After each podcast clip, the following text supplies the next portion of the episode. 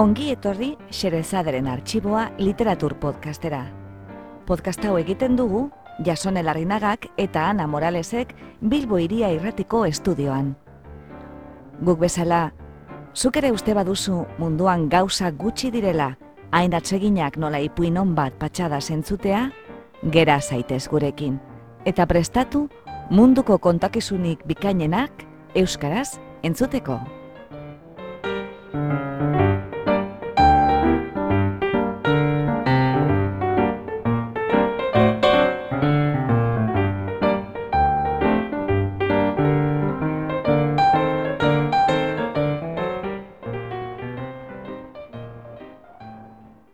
Gaur, Xerezaderen arxiboan, abustuko beroa.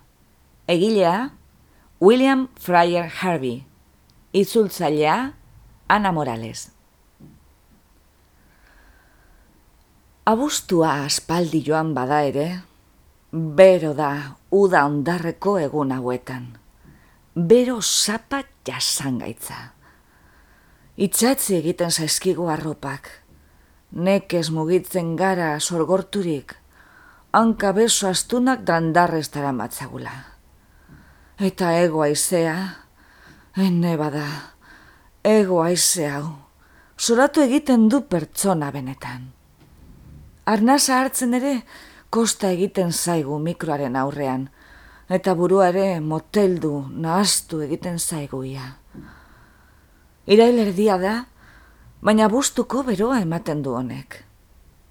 Agian hau entzuten dozunerako freskatu egin du, baina orain bertan oso aproposa iruditu zaigu gure saiorako William Fryer Harbiren ipuin hau. Abustuko beroa, mila bederatzeon damarrean argitaratua.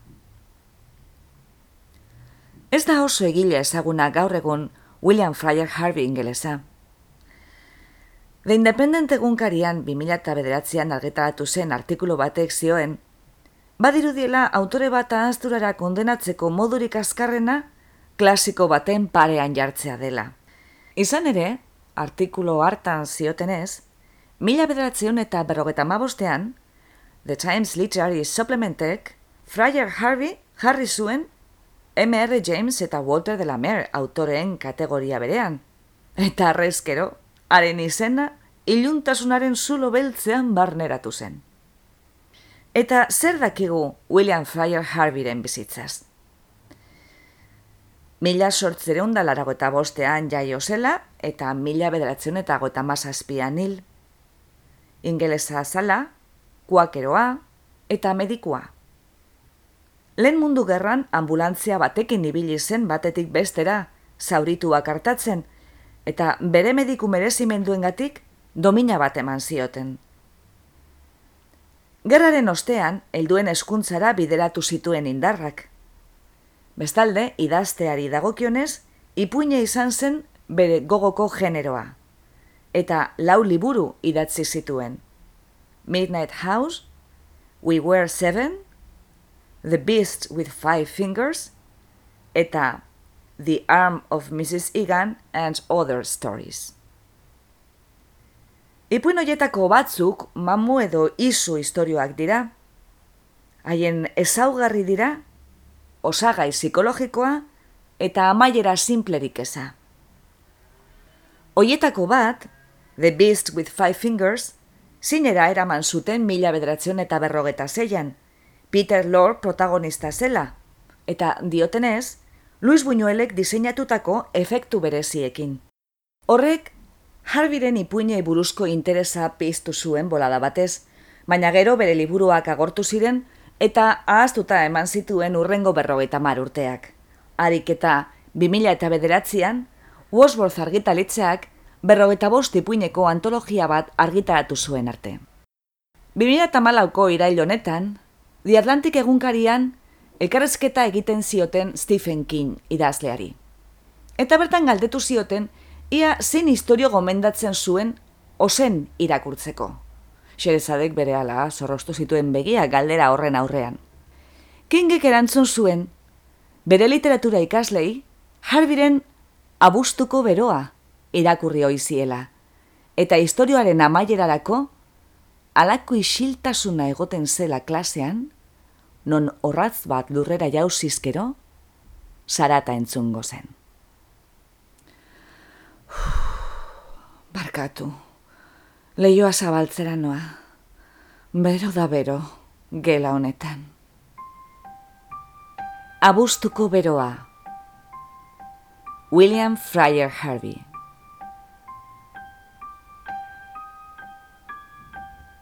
Abustuaren hogeia mila bederatzieun eta bederatzi.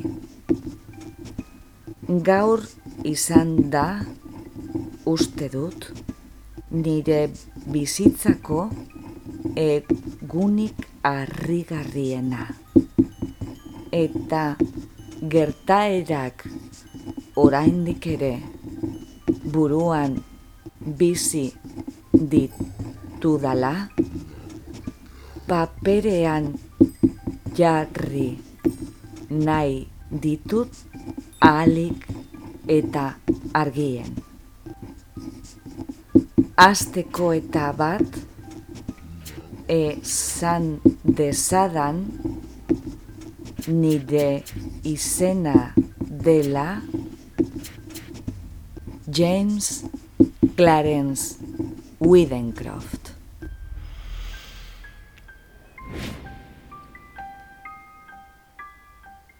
Berrogei urte ditut, osasun bikaina, behin ere espait naiz gaixorik egon.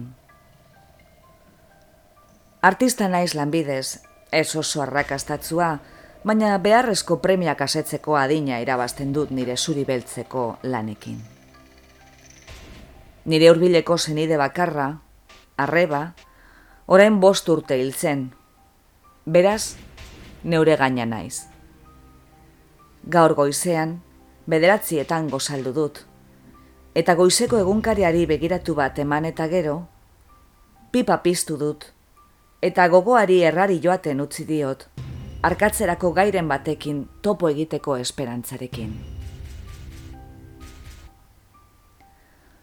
Atea eta leioak zabalik zeuden arren, bero zanpagarria egiten zuen gelan. Eta erabaki berria neukanean, hausoko lekurik freskoena eta atseginena izango zela igeri leku publikoaren gunerik sakonena, ideia etorri zait. Marrasten hasi naiz. Hain egon naiz lanean buru belarri sartuta, ukitu barik utze baitut paskaria, eta ez diot lanari utzi, San Judako erlojuak laurak jo artea.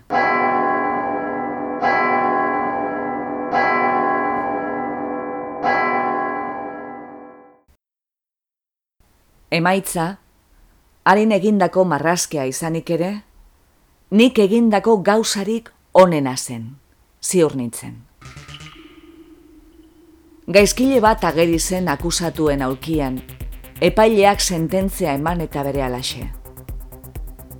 Gizona lodia zen, ikaragarri lodia. Aragia, erroskiletan jausten zitzaion gokospean, simurretan tolesten zitzaion idun itzel eta moskotean. Bizarra egina zuen, agian esan beharko nuke egun batzuk lehenago egina, eta ia guztiz buru zen.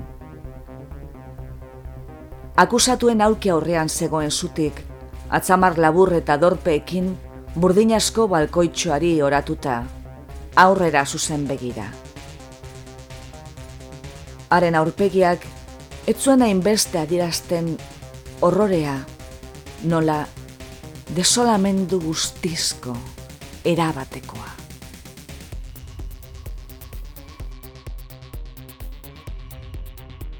Bazirudien, gizonaren ganet zegoela indar arrastorik, aragi mendi ari eusteko. Marrazkia bildu eta ondoiakin barik zergatik patrikan sartu dut. Gero, ondo egindako lanak ematen duen pos bakan horrekin etxetik irten naiz. Uste dut Trentonen gana joateko ideiarekin irten naizela.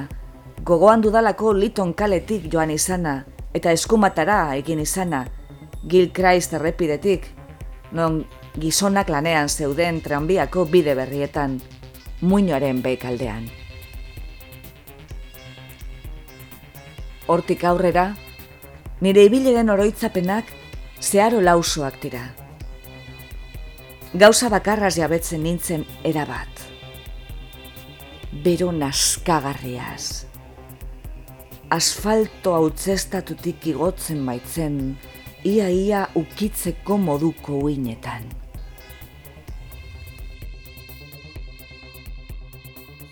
Mendebaldean, kobre koloreko lainoen multzo handi eta apalak ageri ziren zintzilik, eta haiek agindutako trumona da irrikatu dut. Boste dozei mila izango nituen eginda, mutikotxo batek ametzetik itzarri nauenean ordua galdetuta zazpiak hogei gutxiago ziren. Mutikoa joan denean, nire inguruaz jabetzen hasi naiz. Neure burua aurkitu dut burdinate baten aurrean, patio bati begira.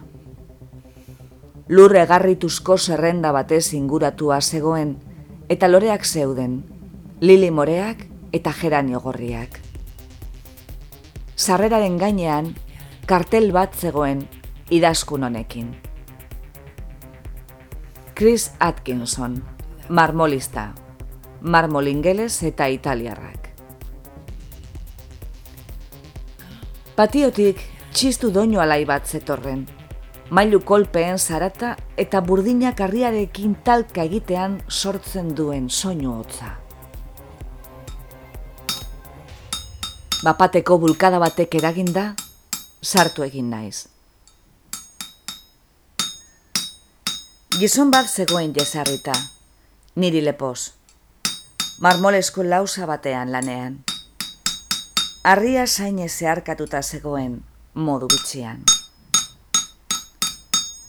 Gizonak buelta eman du nire oinen hotza entzutean, eta ni seko gelditu naiz. Nik marrastutako gizona zen. Patrikan neukan erretratukoa.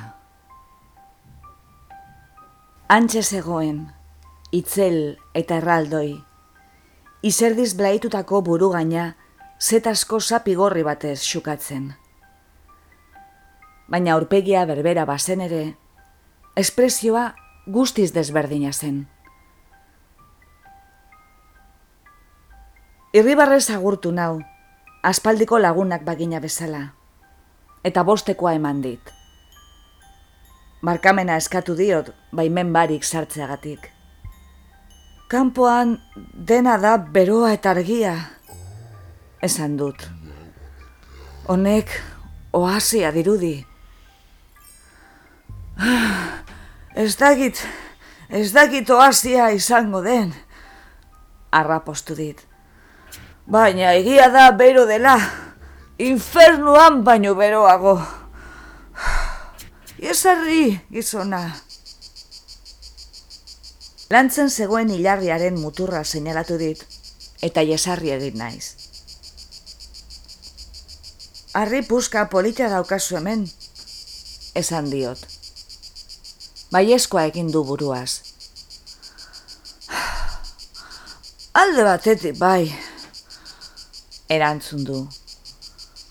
Azala fin baino finagoa da, baina atzeko aldean akatzan dia dauka, naiz eta ez dudan uste sekulak konturatuko zinatekenik. Ez ingo nuke lan honik egin onelako marmor zati batekin. Udan, onelako egunetan, ondo legoke, bero zapak helioke kalterik egingo. Baina, egon, negua datorrenean. Ez dago leia bezalakorik arriaren aholguneak aurkitzeko. Orduan, zertarako da? Galdetu diot. Gizonak barreari eman dio. Ez dira zuzinetziko esaten badizut erakusketa baterako dela. Baina egia da, artistek erakusketak egiten dituzte. Berdin dendariek eta arakinek. Geupe egiten ditugu. Ilarrien munduko azkeneko nobedade guztiak badakizu. Jarraitu du marmoles berbetan, zeinei jasaten duen ondoen aizea eta euria, eta zeintzuk diren errazenak lantzeko. Gero jardinaz eta erosi duen krabelin mota berriaz. Bi minutuan behin, lanabesak jausten utzi, buru distiratzua xukatu eta beroa madarikatzen zuen. Nik gauza gutxi esaten nuen, dezer oso nengoelako. Gizon hau ezagutu izanak, bazuen zerbait ez naturala, bitxia. Hasi eran saiatu naiz neure burua komenzitzen nunbait ikusiko nuela. Haren aurpegia, nik jakin barik, nire buruaren txoko eskuturen batean gordeta geratuko zela. Baina banekien, hori neure burua engainatzeko saio txukun bat baino etzela.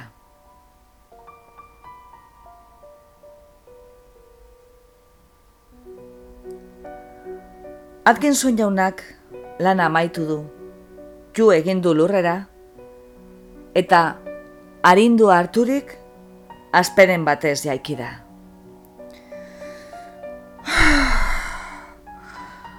Ara, zer deritzozu? Esan du, begibistako arrotasunaz. Lehen aldiz irakurri dut idazkuna. Honako hau zioen. James Clarence Widencroft Mila sortziron eta irurogeiko urtarrilaren amazortzian jaio eta bapatean hiltzen mila bederatzion eta bederatziko abustuaren hogeian. Bizitzaren erdian eriotzan gaude.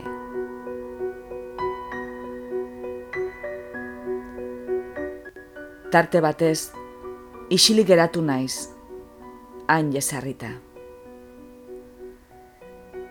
Ikara hotz batek hartu dit bizkarrezurra.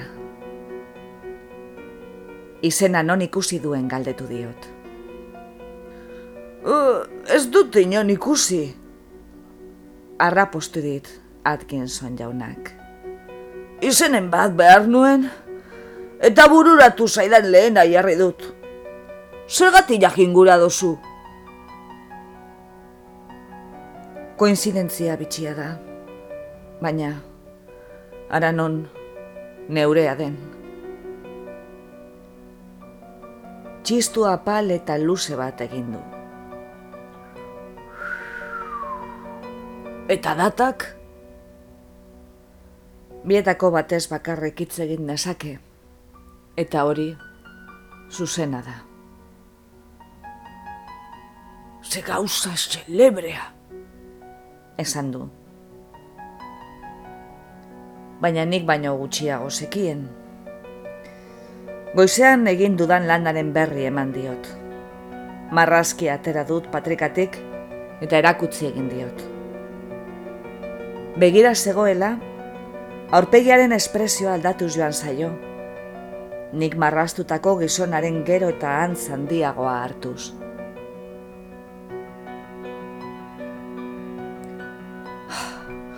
Eta eren egun bertan ez nion ba esan Mariari, esan du, mamurik ez dagoela. Ez batak ez besteak ez dugu mamurik ikusi, baina ulertu diot.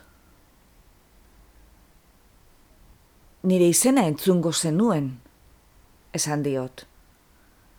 Eta zuk nonbait ikusiko ninduzun eta astu egin zaizu. Klaktonon zinegon zara ustelian? Enaiz nire bizi guztian klaktonen egon. Isilik eratu gara tarte batez. Gauza berari begira geunden biok. Ilarriko data biei. Eta bat, zuzena zen.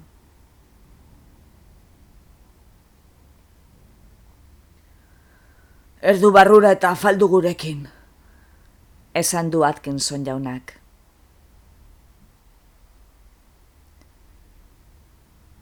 Emaztea Andre txiki eta lai bat da, baserrian hasitakoen masail gorri eta lehorrekin. Senarrak esan dioaren laguna naizela eta artista. Zoritxarrekoa izan da hori, ze sardinak eta berroak erretiratu ondoren, doraren Biblia bat atera dit, eta han egon behar izan naiz miresmena adierazten ia ordu erdi batez.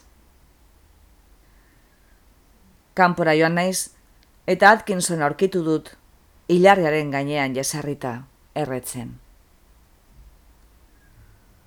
Gure izketaldiari eutzi diogu, utzitako puntu berean. Parkatu galdetzea, esan diot, baina egin duzu ezer zuk dakizula, zu epaiketara eramateko modukoa? Ez eskoa egin du buruaz.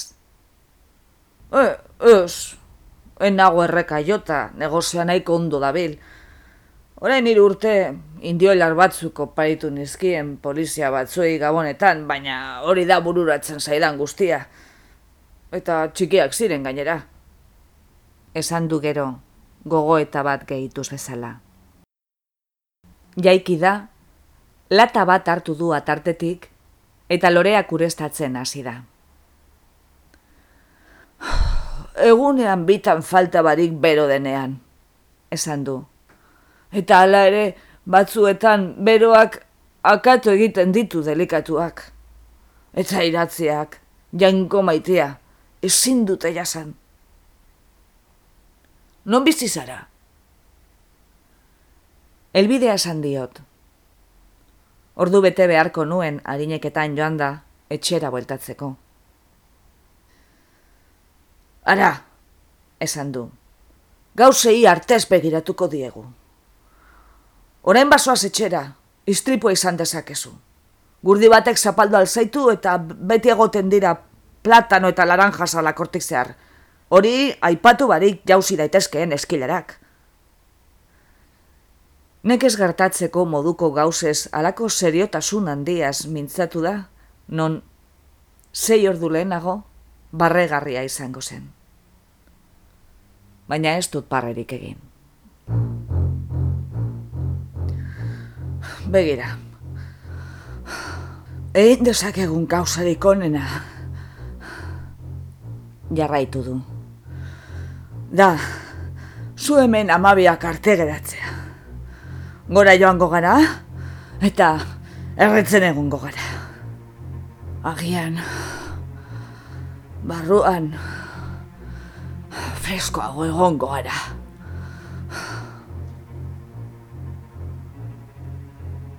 Nire harridurarako baietz esan diot. Zabai basuko gela luze batean gaude jesarrita. Teilatuko egalaren azpian. Atkinsonek oera bidali du emaztea. Tresna batzuk zorrosten dabil harri txiki batez nire puruetako bat erretzen duen bitartean. Airea ekaitzaz kargaturik dagoela ematen du. Ni hau idazten nago, leio irekiaren aurreko mai dardarati batean. Maiak apurtuta dauka hanka eta Atkinson. Gizon abila baitirudi lanabezekin konpontzen jarriko da zizelari ertza zorrosten amaitu bezain laster.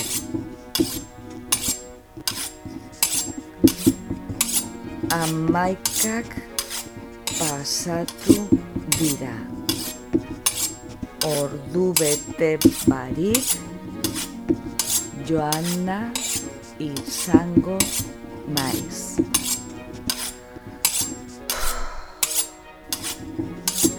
Baina beroa itogarria da. Edo nor zoratzeko modukoa.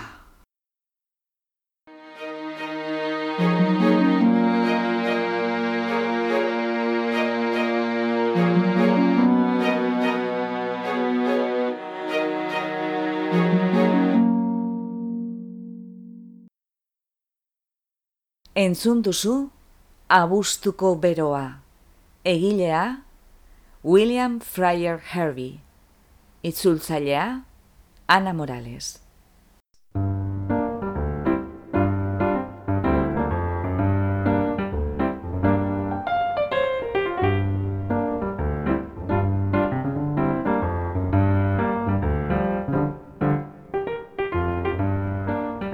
Xerezaderen artxiboko beste atal bat entzun duzu.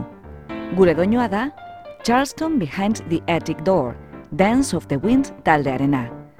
Besterik adierazi ezean, gure musikak jamendo.cometik hartuak dira, eta soinu efektuak berriz freesound.cometik ateratakoak. Podcast hau egiten dugu Jason Elarrinagak eta Ana Moralesek Bilbo Iria Errotiko estudioan, Leioan eta Mungian. Mila esker gurera hurbiltzeagatik. Gustura egon bazara? Erdu urrengo batean ostera ere, Xerezaderen artxiboa literatur podcastera. Laster arte!